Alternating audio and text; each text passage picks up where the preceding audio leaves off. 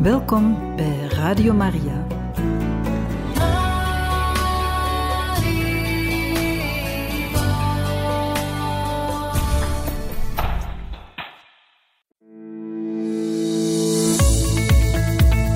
Exodus en Magnificat 90. Een opgang naar Pasen in 90 dagen bij Radio Maria.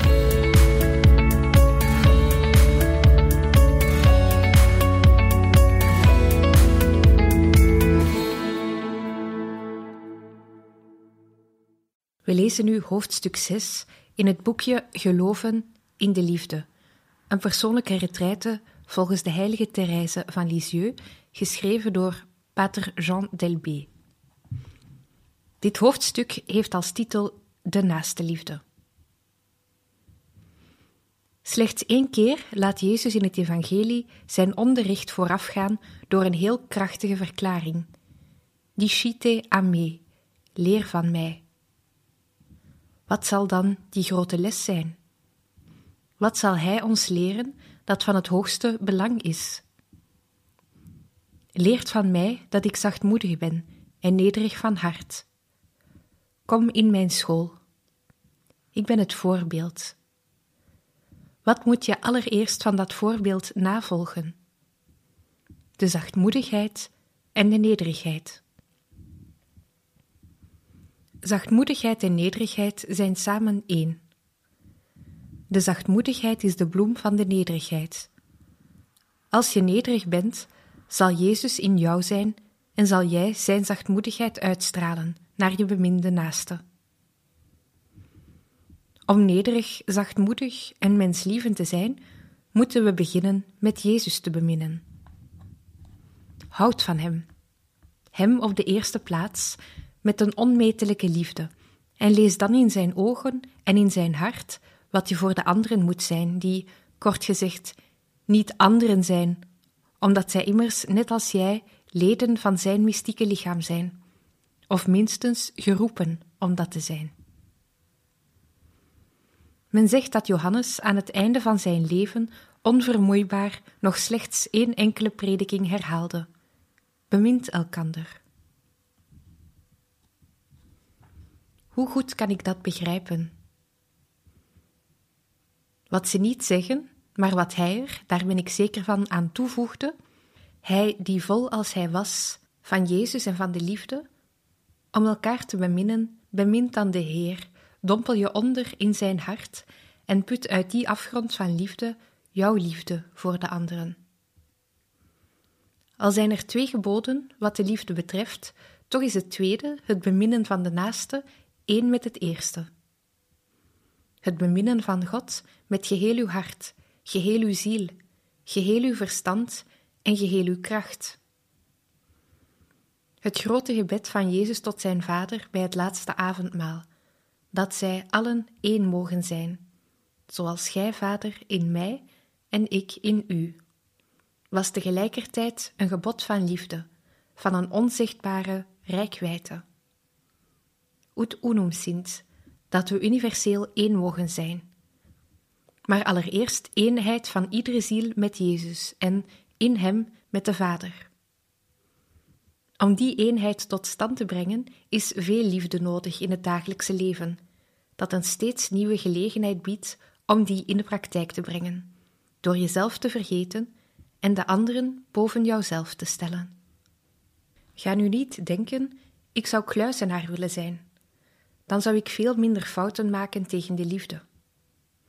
Integendeel, profiteer van het gemeenschapsleven om jezelf te verbeteren en te heiligen. Zonder het te willen zijn jullie uitstekende werktuigen om elkaar te vernederen, om elkaar te kastijden. Houd van elkaar, niet ondanks, maar omwille daarvan. Op dezelfde wijze als de kracht meer volmaakt wordt in de zwakheid, zo wordt de naastenliefde volmaakter in de bekoringen tegen de liefde. Het is niet zo dat de gelegenheid de mens maakt. Nee, zij toont wat de mens is. Het zou makkelijk zijn om geduldig te blijven als er geen enkele gelegenheid was om ongeduldig te worden. Ik heb je al veel gesproken over de overgave. Die steunt vooral op de gehoorzaamheid. Maar die mag verder gaan. Zij mag zo ver gaan dat ze met een gewilde glimlach op de lippen de speldenprikken accepteert, de dorens, de tegenwerpingen, die je dagelijks en vaak meerdere malen per dag krijgt van je naasten. Daar is een goudmijn te ontdekken met veel opofferingen. Jullie hebben allemaal kwaliteiten, grote kwaliteiten. Zijn jullie niet wonderen van de schepping naar het beeld van God? Jullie zijn allemaal meesterwerken van Zijn liefde, gewond en verminkt door de zonde, maar hersteld en mooier gemaakt door de Verlosser. En tot welke prijs? Jullie zijn hier door Hem bijeengebracht. Je wordt bemind met een grote voorliefde. Verhef je gedachten tot dat niveau wanneer je naar je broeders en zusters kijkt. Denk aan, hun zielen en zie vooral hun kwaliteiten. Vraag in je gebeden dat je de schoonheid mag zien van de zielen die jou omringen. Een ziel in staat van genade is de woning van de Vader en van Jezus, de tempel van de Heilige Geest. Zij deelt in het innerlijk leven van de drie goddelijke personen. Als ik de pracht daarvan zou kunnen zien, zou ik sterven van dat gezicht. Heer, vermeerder mijn geloof, opdat ik niet blijf stilstaan bij de buitenkant, maar daardoorheen die goddelijke realiteiten weet te zien. Heer, maak dat ik zien kan. Ik houd niet alleen van mijn naaste om de liefde van God, zoals men soms zegt. Ik houd van Hem zelf en heb een onmetelijke eerbied voor Hem. We hebben de neiging helemaal op te gaan in de gebreken van hen die om ons heen zijn. Dat is begrijpelijk. Het zijn gebreken waaronder we te lijden hebben. En dat lijden herinnert ons onophoudelijk aan die gebreken. En ik, heb ik geen gebreken die nog heel wat erger zijn? Altijd weer de splinter en de balk. Gebreken zijn lelijk. Waarom niet kijken naar de deugden die mooi zijn?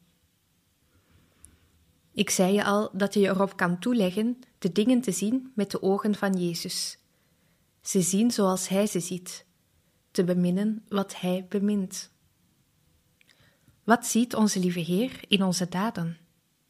De intentie die ons doet handelen, die bepaalt de waarde van onze handelingen. Welnu, de goede bedoelingen van de anderen ontgaan ons zo vaak. Oordeel niet op de bedoelingen ik geef toe, mij is het gebeurd dat ik iemand een kwade bedoeling had toegeschreven en dat ik daarna het duidelijke en heldere bewijs kreeg dat ik me vergist had, dat hij iets heel anders op het oog had dan ik dacht. Wat een les! Schrijf je naaste zoveel als je kunt, en ik zeg dit omdat het tegendeel soms echt voor de hand ligt, goede gevoelens toe. Plak geen definitief etiket op deze of gene, alsof er geen verbetering mogelijk zou zijn. Pas op met de definitieve etiketten, vooral bij kinderen. Als je in de verleiding komt om jezelf beter te vinden dan anderen, dan kun je altijd denken: als die of die dezelfde genade had ontvangen als ik, zou hij dan niet nog beter zijn dan ik? Therese schreef: Als ik probeer in mij de liefde voor mijn naaste te doen toenemen, vooral als de duivel probeert om voor de ogen van mijn ziel de gebreken van de een of andere zuster, die me wat minder sympathiek is, voor te spiegelen, dan haast ik me te zoeken naar haar deugden, haar goede verlangens. Ik zeg tot mezelf dat zij, ook al heb ik haar een keer zien vallen, een groot aantal overwinningen kan hebben behaald die ze uit nederigheid verborgen houdt, en dat zelfs iets wat mij een fout lijkt, door de bedoeling een heel goede en deugdzame daad kan zijn. Ach, ik begrijp nu dat de volmaakte naaste liefde bestaat in het verdragen van de gebreken van anderen, zich niet verwonderen over hun zwakheden, gesticht worden door de kleinste deugdzame daden die we hen zien verrichten. Misschien herinner je je het verhaal dat zij vertelt van haar moeilijkheden met zuster Saint-Pierre, die goede oude invalide zuster die van het koor naar de refter gebracht moest worden. Wat geen geringe onderneming was door haar ogen eisen. Ze schrijft: Het kostte me veel moeite om mezelf aan te bieden om die kleine dienst te bewijzen, want ik wist dat zij niet gemakkelijk tevreden te stellen was. Maar om een zo mooie gelegenheid om de naaste liefde te beoefenen niet te missen, bood ze zich aan om haar te brengen. Zij herhaalt: Het is ongelooflijk hoeveel het me kostte om die moeite te doen. Je ziet dat ook de kleine Therese een sterke natuurlijke tegenzin moest overwinnen. Maar door het geven van aandacht en fijngevoeligheid had ze de goede zuster tenslotte helemaal voor zich gewonnen. Vooral omdat ze haar, voordat ze haar verliet, haar mooiste glimlach toonde. Wanneer Franciscus van Sales iemand iets weigerde, dan ging men even voldaan heen als wanneer hij het wel had toegestaan omdat hij wist te weigeren met zoveel goedheid, door er de redenen van zijn weigering bij te geven en door zijn spijt te tonen dat hij de ander geen plezier kon doen. Als men bij hem wegging, was men even tevreden met een nee als met een ja. Luister naar Paulus. Zegent hen die u vervolgen. Ge moet ze zegenen in plaats van ze te vervloeken. Verblijd u met de blijden en weent met hen die wenen. Wees eensgezind, schikt u zonder hooghartigheid in de omgang met gewone mensen. Wees niet eigenwijs, vergeld niemand kwaad met kwaad. Heb het goede voor met alle mensen. Leeft voor zover het van u afhangt met alle mensen in vrede. Wreekt u zelf niet, geliefden maar laat het over aan Gods gerechtigheid. Er staat immers geschreven: Mij komt de wraak toe. Ik zal vergelden, zegt de Heer. Als uw vijand honger heeft, geef hem te eten. Als hij dorst heeft, geef hem te drinken. Zodoende zult gij vurige kolen op zijn hoofd stapelen. Laat u niet overwinnen door het kwade, maar overwint het kwade door het goede. Het is duidelijk dat van jou niet gevraagd wordt dat je in je hart dezelfde gevoelens hebt voor een vriend als voor iemand die je kwaad wil doen. Ook is duidelijk dat als je mening wordt gevraagd, bijvoorbeeld om iemand een bepaalde functie toe te vertrouwen, van jou verwacht wordt om een objectieve beoordeling te geven. Ook komt het voor dat de verdediging van de waarheid en de rechtvaardigheid in het spel zijn of dat aan jou de plicht tot een broederlijke vermaning is toegewezen, wat een daad van naaste liefde is. Er bestaat zelfs heilige woede. Maar herinner je dat niets het hart meer in verwarring brengt en niets in ons Jezus, die in ons is, meer hindert dan de twist en oneenigheid. Niets gaat meer rechtstreeks tegen hem in. Denk ook aan de schade die laster kan veroorzaken, omdat dat zo moeilijker te herstellen is. Wees erop bedacht dat een wrok die moedwillig onderhouden wordt, tot grote misverstanden kan leiden en soms een afgrond of een berg van ijs kan doen ontstaan tussen twee zielen. Niemand is volkomen meester van een eerste aanzet ertoe, maar we moeten ons heel snel weer in de hand houden. De ondergane onrechtvaardigheid vergeven betekent dat men zelf de wond in zijn hart geneest zei Vincentius a Paulo. We moeten onszelf vergeten. Een ziel die zichzelf vergeet, verspreidt vreugde om zich heen. Ze brengt de temperatuur van de harten omhoog, overal waar ze langskomt. De goedheid trekt de goedheid aan, meer nog, ze doet die ontstaan. Ze straalt al iets af van het hemelse. De wrok daarentegen veroorzaakt droefheid doet de harten dichtslaan en sluit de gezichten, veroorzaakt kou overal waar ze verschijnt. Ik spreek natuurlijk over een wrok die gewild is en onderhouden wordt. Dan gaat de verbeelding aan het werk. Duizend en één spoken komen erbij. Een massa oud leed komt erbij. Allerlei kwade bedoelingen worden toebedacht. Allerlei feiten worden bijeengebracht die in werkelijkheid niets met elkaar te maken hebben, om maar het onrecht van de naaste aan te dikken, om hem onvergeeflijk te doen zijn, om zichzelf te verontschuldigen. Die gloeiende kolen worden aangeblazen door de duivel. Er zijn zoveel verontschuldigingen te vinden voor de fouten van anderen.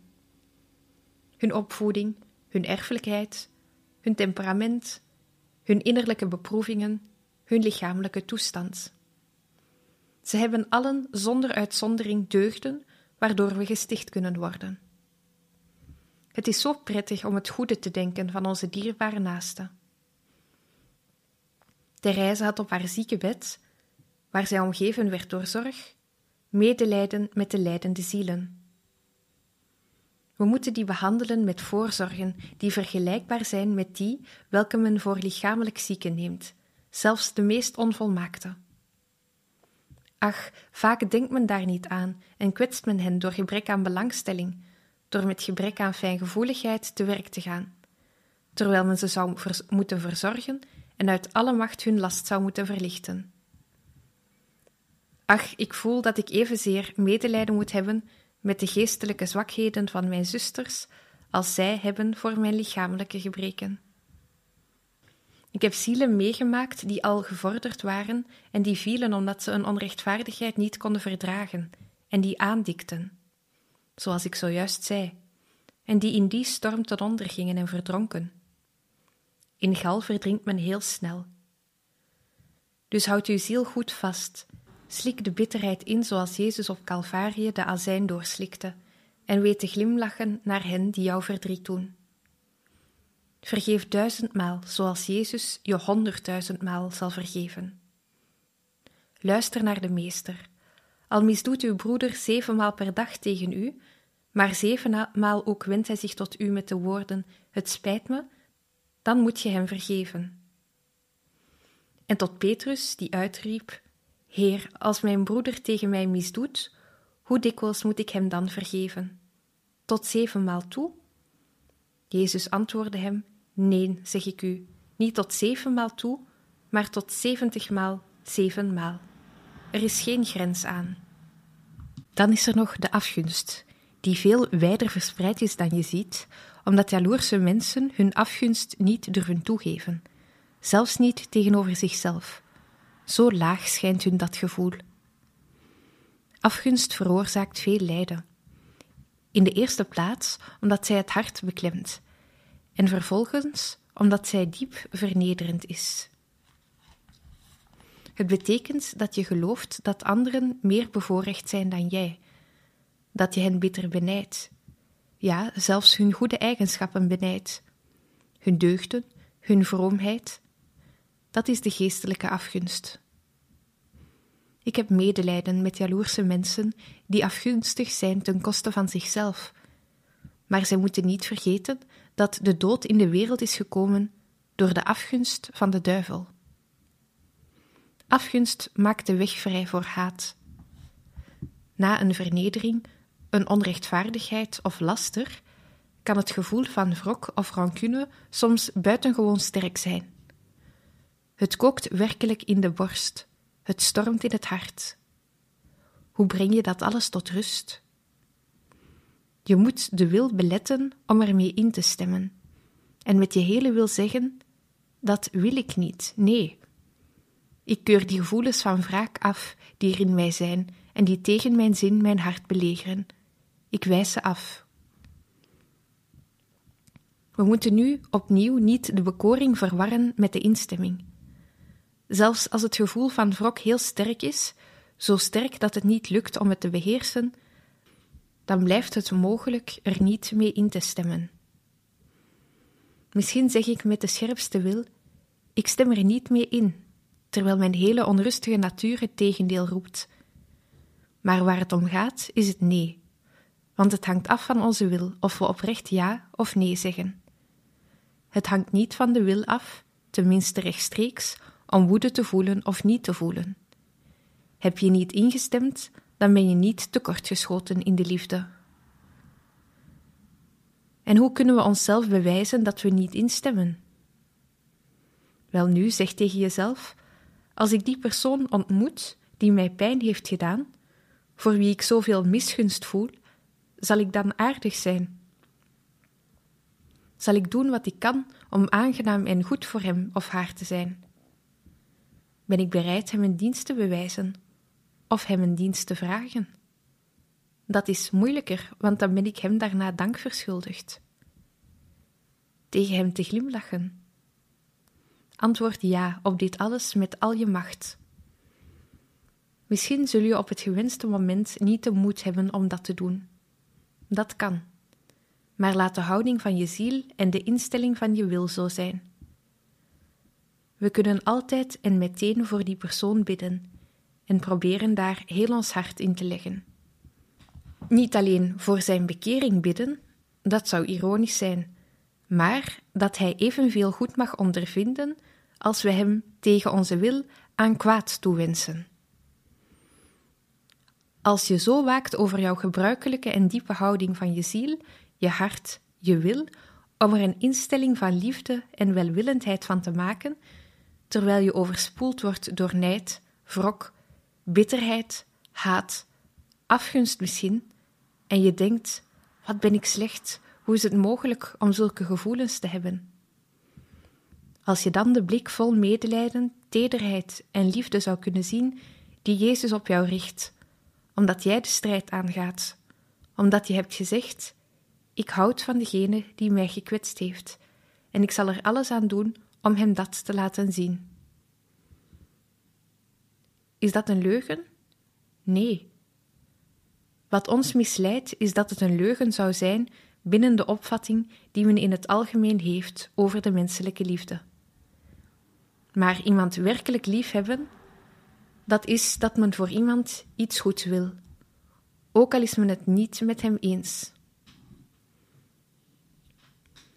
Zie je hoe belangrijk het is om dat onderscheid te maken tussen onze natuur en onze wil, die gedragen wordt door de genaden, tussen wat wij voelen en wat wij willen. Ik heb het je al gezegd en ik zeg het je weer nu we het over de naaste liefde hebben, want het is een van de punten waarop we de meeste beproevingen ondervinden.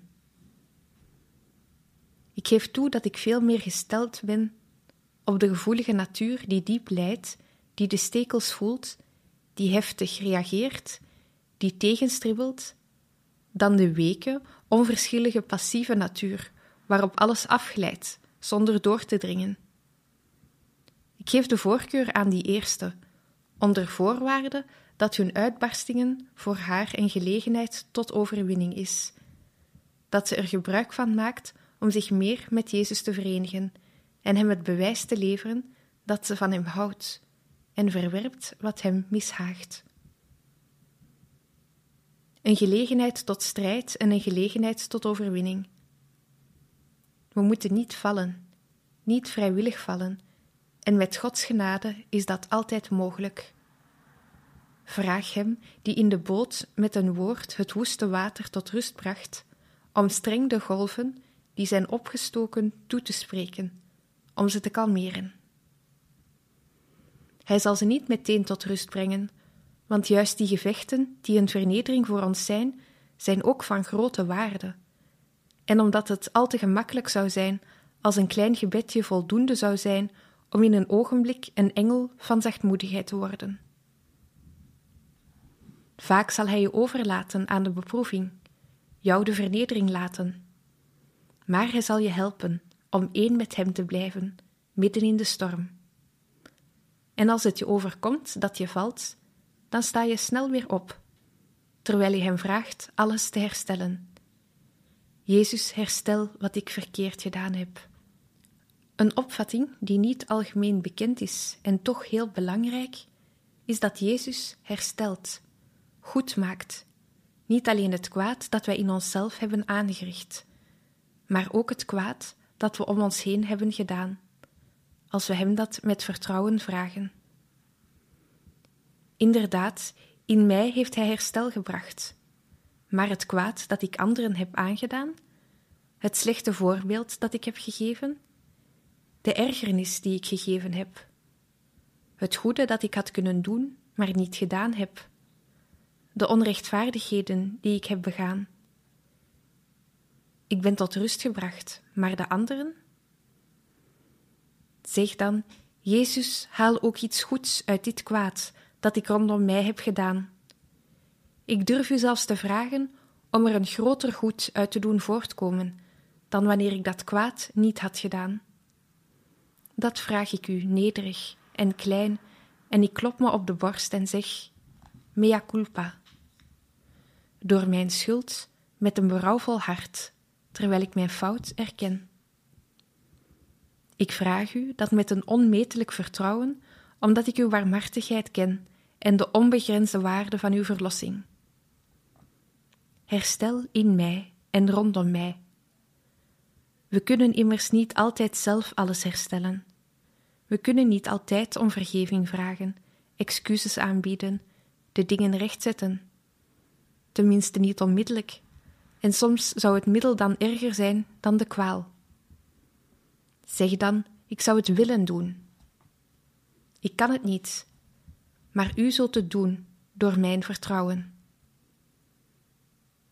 Er is wel gezegd: voor alles is een prijs, en dat is waar. Maar Jezus heeft alles betaald, Hij als eerste. Hij zal mij met Hem laten meebetalen als ik me verenig met Zijn verlossende lijden, Zijn reddende liefde. Maar Hij stelt zich niet op als een veeleisende schuldeiser. Wat kan ik zonder Hem? Niets. Met Hem alles. Kom allen tot mij, en ik zal u rust en verlichting schenken. Ik benadruk dit omdat die liefdevolle zekerheid tot de Verlosser herstel brengt, noodzakelijk is voor de vrede in jouw ziel. Zijn verlossing is overvloedig. Zijn herstellen omvat alles. Met hem is niets ooit onherstelbaar, en als hij wil, kan hij dat herstel direct en volledig geven. Dat is een zaak van het geloof en van hoop, in nederigheid en met goede wil. Je mag geloven dat hij dat doet. Hij wordt bewogen door jouw bittere verdriet kwaad gedaan te hebben. Hij wordt bewogen door jouw smart. Hij wordt nog meer geraakt door jouw vertrouwen en dat roept nog meer zijn barmhartigheid over jou af. O, je mag leven in wederzijdse liefde met Jezus, een leven van jullie tweeën, dat zo ver gaat dat je één bent met jouw koning, jouw vriend, jouw broeder, die er altijd is om je te helpen in de strijd, om je op te richten na de val.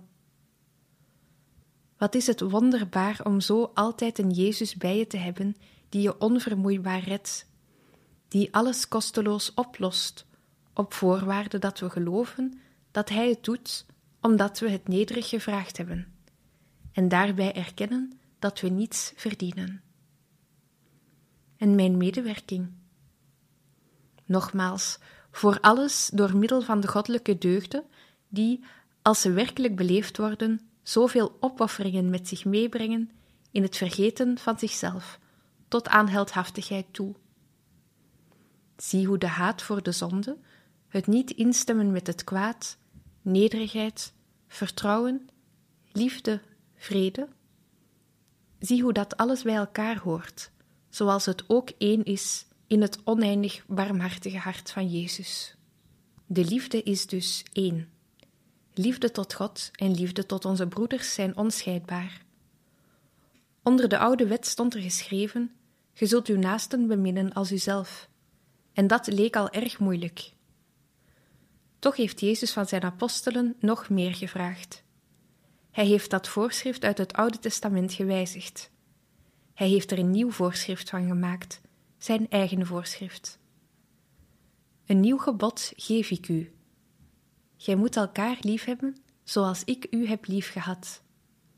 Zo moet ook gij elkaar liefhebben.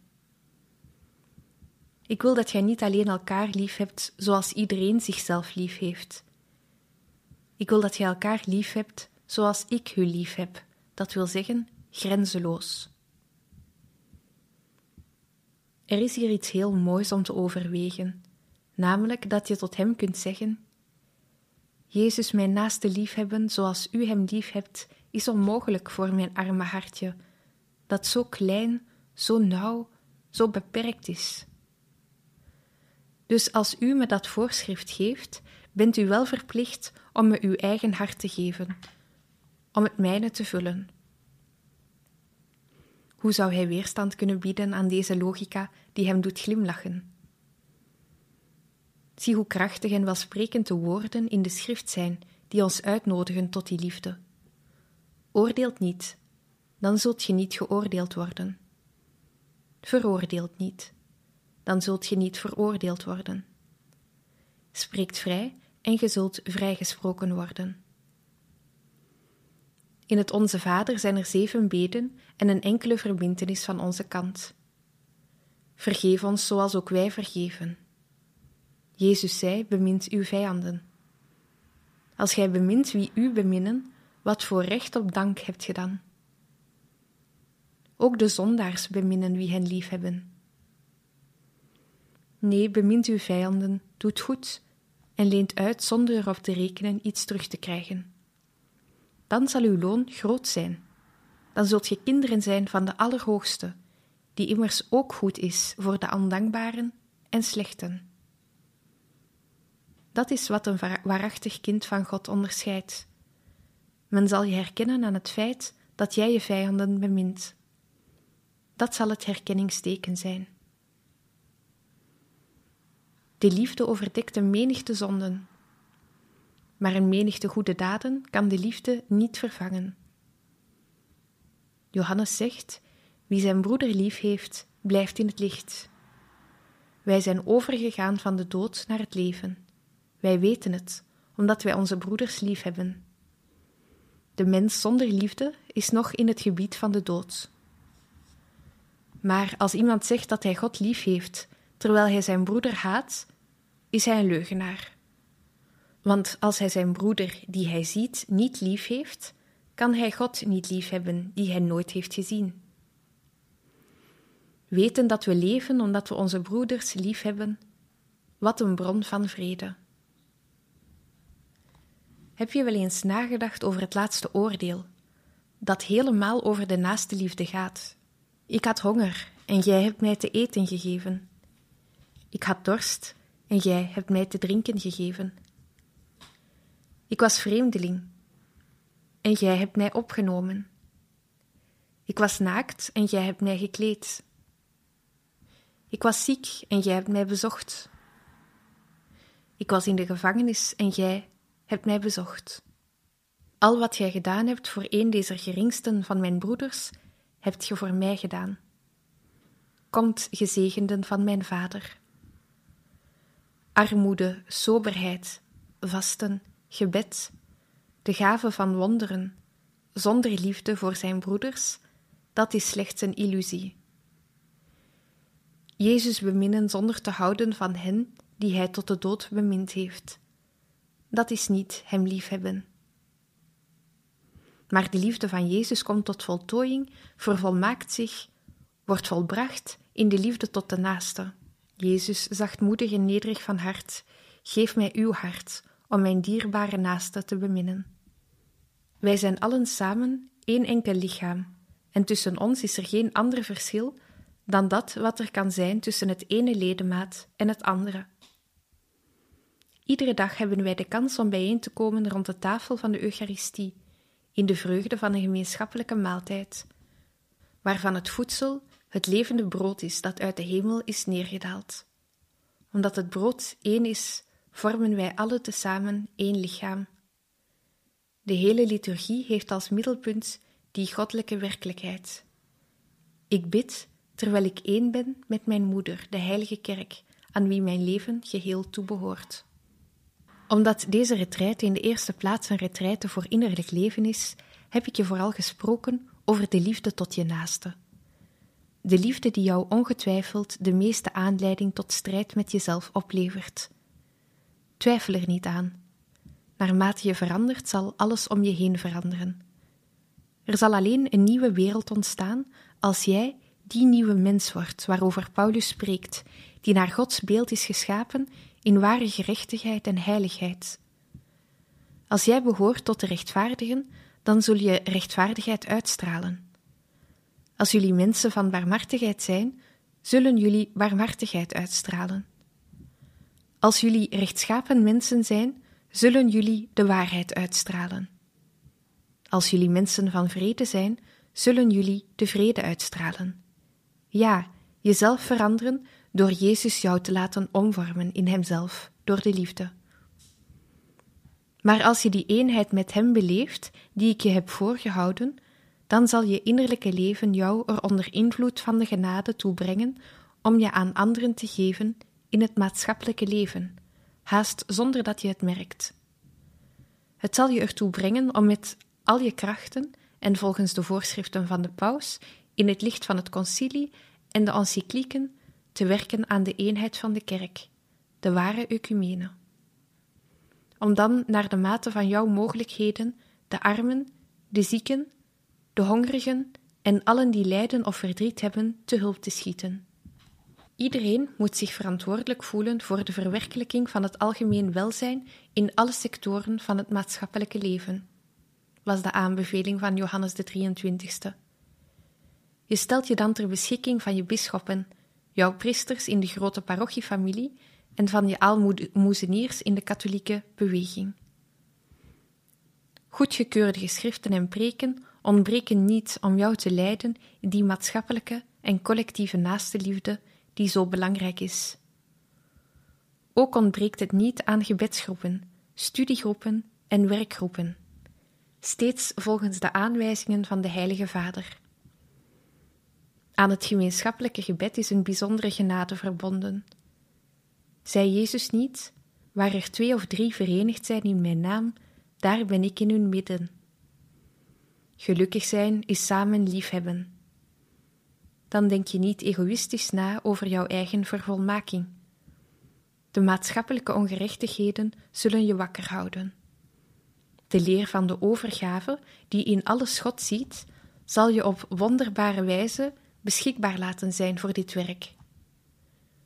Het is een van de meest rijke geheimen, want zij verplicht ons ertoe om, wanneer het moet, af te zien van onze eigen inzichten en onze persoonlijke plannetjes, zoals die voor onze eigen heiliging. Die overgave is het toppunt van de heiligheid en van de liefde, omdat we daarin het meest volkomen gelijkvormig worden aan Jezus, die slechts leefde vanuit de wil van zijn Vader.